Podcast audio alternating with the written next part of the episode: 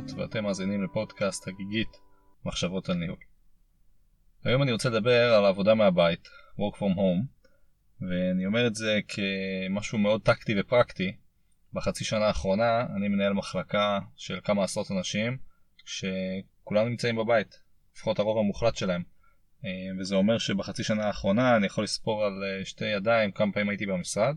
זה קשור כמובן לנגיף הקורונה ומה שקורה ככה בחודשים האחרונים, היום אני מדבר בספטמבר 2020, ובהקשר הזה אני רוצה לשתף במסקנות שצוות המנהלים תחתיי ואני הגענו אליהם אחרי שניסינו להבין ביחד לאחר כמה חודשים של עבודה מהבית מהם העקרונות המנחים שאנחנו מסגלים לעצמנו ואני מקווה שזה יוכל לעזור גם לאחרים.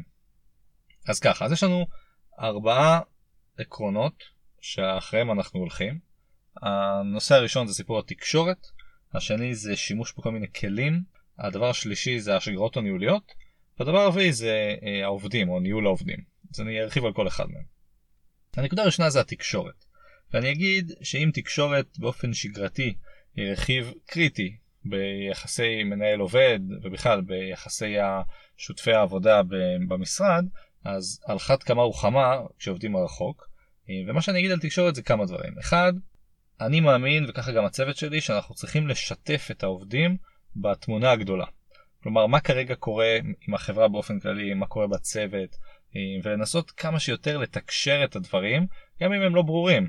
אני חושב שתמיד כדאי, ובוודאי שאנחנו נמצאים בסיטואציה שבה אתה לא פוגש פיזית את האנשים, לשתף במה שכרגע קורה אה, באופן כללי. כלומר, מה קורה במחלקה, מה קורה בצוות, מה קורה בחברה, ואפילו מה קורה בשוק, בתעשייה. אה, ואנחנו מנסים להגיד כאן שאיכשהו צריך לפצות על היעדר הקשר הפיזי בהיבט הזה שאתה משתף את האנשים ומנסה לצמצם את מרחב אי הוודאות שלהם. לצד זה אנחנו גם חשבנו על זה שראוי לשתף ולהתייעץ במנהלים סביבנו. אנחנו חיים היום בסיטואציה שהיא מאוד מוזרה ולא נורמלית של העבודה הזו מהבית ואנחנו חושבים שהייעוץ הזה הוא משהו מאוד חשוב. יש לנו אחד את השני וראוי להתייעץ ולשתף אחד את השני ולכן זו עוד נקודה שאנחנו שמנו לעצמנו בהקשרי התקשורת. כלומר גם לשתף את העובדים שלנו אבל גם לשתף את העמיתים שלנו לשתי מטרות שונות דרך אגב. את העובדים אתה משתף כדי לתת להם את התחושת ביטחון ושיכירו מה קורה ואת העמיתים בדרך כלל כדי שתוכל להתייעץ ולפרוק ולהיעזר בדעות שלהם לאור הסיטואציה הדומה שהם נמצאים בה. הנושא האחרון דיברנו על זה שצריך לנסות לייצר את התקשורת הזו של הפנים מול פנים אל מול העובדים גם עם עבודה מהבית. וכאן כמובן אני מדבר על פגישות וירטואליות ושיחות one on one עם העובדים. יש דרך אגב שיח שלם האם השיחות one on one בצורה וירטואלית, כלומר בדרך המערכות האלה שמאפשרות לנו לשוחח אה, דרך המחשב, האם הן יותר אינטימיות או פחות אינטימיות ממה שהיה לנו במשרד. אה, אני חושב שאולי המובן מאליו הוא כמובן שפגישה פיזית אמיתית היא יותר אינטימית, אבל גם בפגישה הווירטואלית הזאת אתה נחשף לדברים שלאו דווקא היית נחשף קודם. למשל, אתה רואה את החלל הפרטי של העובד.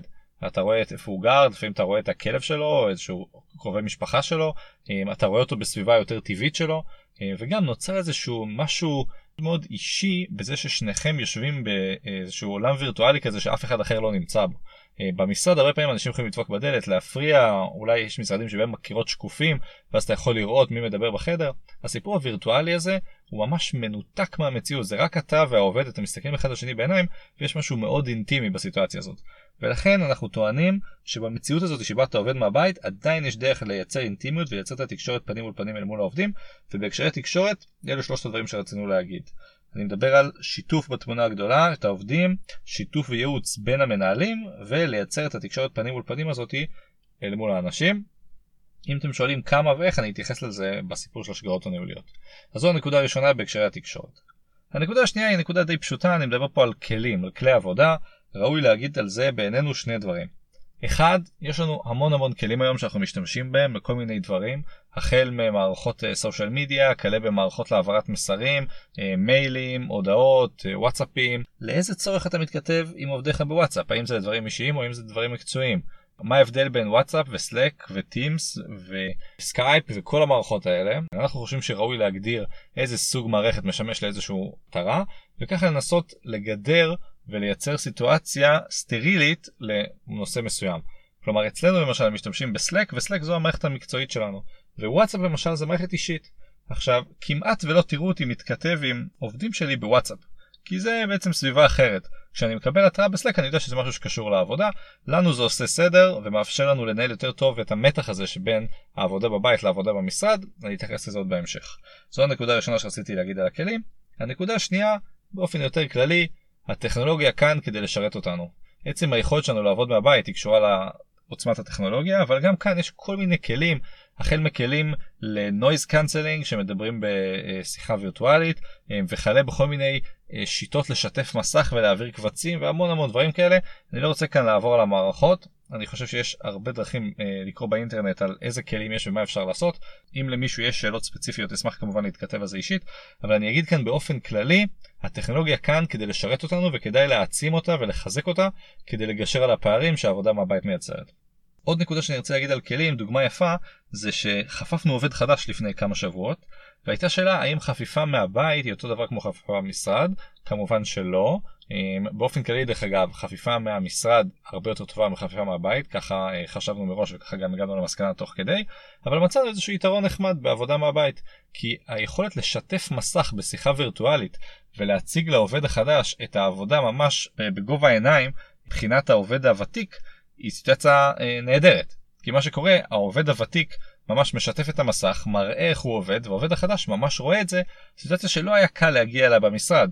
כי כשסיטואציה אה, קורית במשרד אז העובד הוותיק יושב על המחשב, העובד החדש יושב לידו ומנסה להסתכל, ויש המון הסחות דעת מסביב, וקשה בדיוק להסביר מה בדיוק קורה, אה, ומצאנו שזה הרבה יותר נוח כשמשתפים מסך ומישהו בכלל יושב וירטואלית. אז הנה זו דוגמה נחמדה למשהו שמצאנו שדווקא עובד יותר טוב בפן הזה של הטכנולוגיה שמשרת אותנו בהקשרי שיתוף המסך למשל. זו הנקודה השנייה. הנקודה השלישית זה הסיפור של השגרות הניהוליות. וזה מאוד רחב וגם מאוד משתנה בין התעשיות. אני יכול להגיד לכם שאצלנו אנחנו מדברים על כמה וכמה אה, אה, שגרות ניהוליות חדשות. הראשונה זה השגרות היומיות. אוקיי? החל משיחות, מה שאנחנו קוראים להם שיחות דייליז עם המנהלים הישירים, או שיחות דייליז עם עובדים, אה, במטרה לייצר איזושהי הגעה בבוקר לאיזושהי שגרה מסודרת כזאת שנפגשים. צריכה להיות פגישה של כל הצוות, יכול להיות פגישה אחד על אחד, אבל יש את הפגישה הזאת שקורית כל יום, והיא מאוד מאוד יציבה וקבועה, והכל סובב סביבה. כלומר, כולנו מתחילים ביחד. אה, יש גם בחלק מהמקרים סיכומי יום. זה יכול להיות פגישה של הרבה אנשים שמסכמת יום, וזה יכול להיות איזשהו משהו שאפילו סיכום פיזי אה, כלומר איזשהו מסמך שמישהו כותב וזה בעצם סיכום היום אנחנו מוצאים את זה מאוד טוב כדי לייצר איזושהי שגרה כלומר כל יום עובד צריך לכתוב במסמך קצר מה הוא עשה מה הוא הגיע מה היעדים שלו למחר ולשלוח את זה למנהל הישיר זה משהו שמייצר לנו איזושהי שגרה שמחזיקה אותנו לאורך זמן. אז זה הסיפור הזה של השגרות הניהוליות היומיות. אחר כך אנחנו מדברים על שגרות של פגישות אחד על אחד אני לא רוצה להגיד פה כמה אבל אני חושב שצריכים לקרות הרבה אני בטח כשאתה מנהל עובדים ישירים, אני יכול להגיד שאני מקפיד לפגוש את אנשיי כל יום. אוקיי? אני חושב שאני גם עוד מנהל בכיר שמנהל מנהלים, אבל בטח מנהל זוטר שמנהל עובדים ישירים, כל יום צריך לעשות פגישה אחד על אחד עם כל העובדים.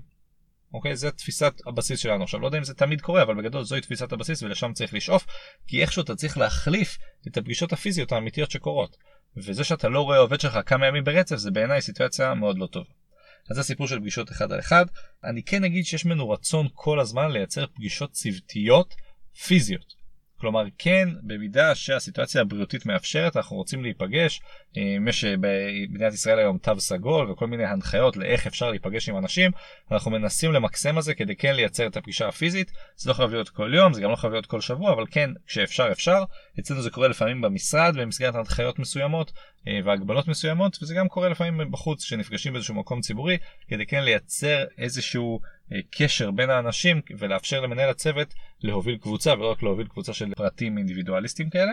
לזה אנחנו גם עושים כל מיני דברים אחרים כמו למשל פגישות כיף שאנחנו קוראים להם אנחנו מייצרים כל מיני אה, סיטואציות נחמדות מאוד וירטואליות אה, זה יכול להיות אה, חידונים או טריוויה או כל מיני שעשועונים שאנחנו מכינים לעצמנו אה, החל מלהציג תמונות ילדות של כל העובדים ולנסות לנחש מי זה וכאלה בלהשתמש בכל מיני טכנולוגיות שאנשים המציאו בדיוק לשם זה.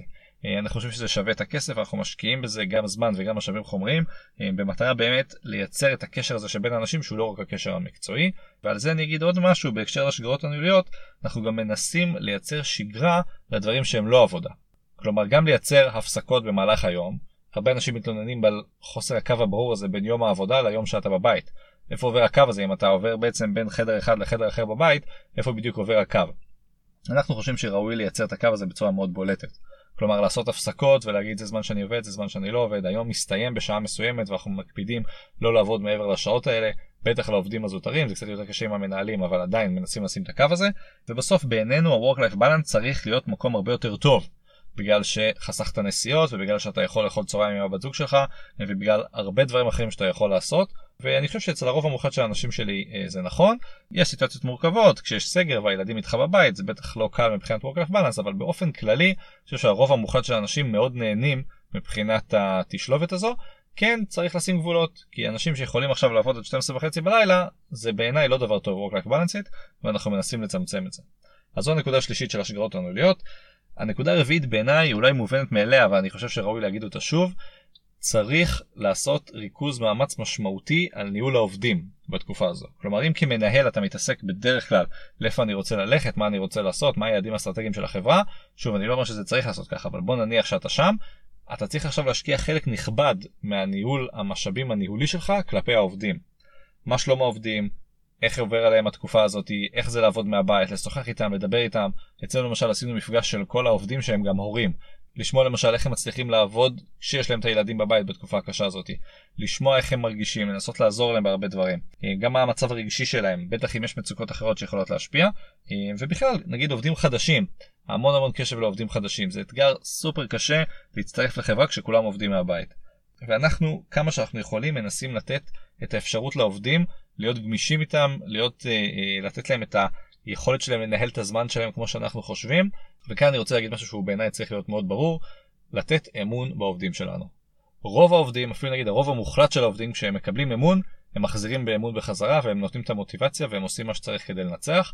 יש חלקם שמנצלים את זה לרעה, זה דרך אגב מתגלה מאוד מהר, ואני חושב שכאן זה משהו שכל העבודה הזו מהבית גילתה לנו, אני טוען כאן שקודם כל צריך להאמין בעובד בתחילת הדרך והנה דוגמה נהדרת לעשות את זה. אני לא צריך להסתכל עליך כל הזמן כדי להבין שאתה עושה את העבודה. אני סומך עליך שתעשה את העבודה גם כשאתה לא איתי. אז יש כל מיני מנגנונים כמו בוא ניפגש בבוקר ובוא ניפגש בערב ונדבר על זה אבל באופן כללי אלו המשימות אני סומך עליך ותיתן מה שאתה יכול ואני מאוד שמח להגיד שהחודשים האחרונים הוכיחו לי לפחות במקום שבו אני נמצא שאנשים הם באמת כאלו והם עושים מה שהם יכולים כדי לנצח. זהו זה ככה הטיפים הכלליים והמרכזיים שאנחנו מצאנו מהחודשים האחרונים. אני אגיד באופן כללי, יש חסרונות ברורים לעבודה מהבית, אבל גם יש יתרונות גדולים לעבודה מהבית. ולפחות בסיטואציה כמו שאנחנו נמצאים ביום, שאנחנו מחויבים לזה בחלק ניכר מהזמן, אנחנו מאוד נהנים להסתכל על החיוביות, ומנסים בעזרת כל הדברים שאמרנו, לנסות בעצם להרים את האנשים לרמה הטובה ביותר שאנחנו יכולים, ולהשיג את היעדים של החברה. זהו, מקווה שזה עזר, ברור לי דרך אגב שזה נושא מאוד מאוד חם, שאלות, הערות, כתמיד, אשמח לענות. אז תודה לכולם ובהצלחה לנו.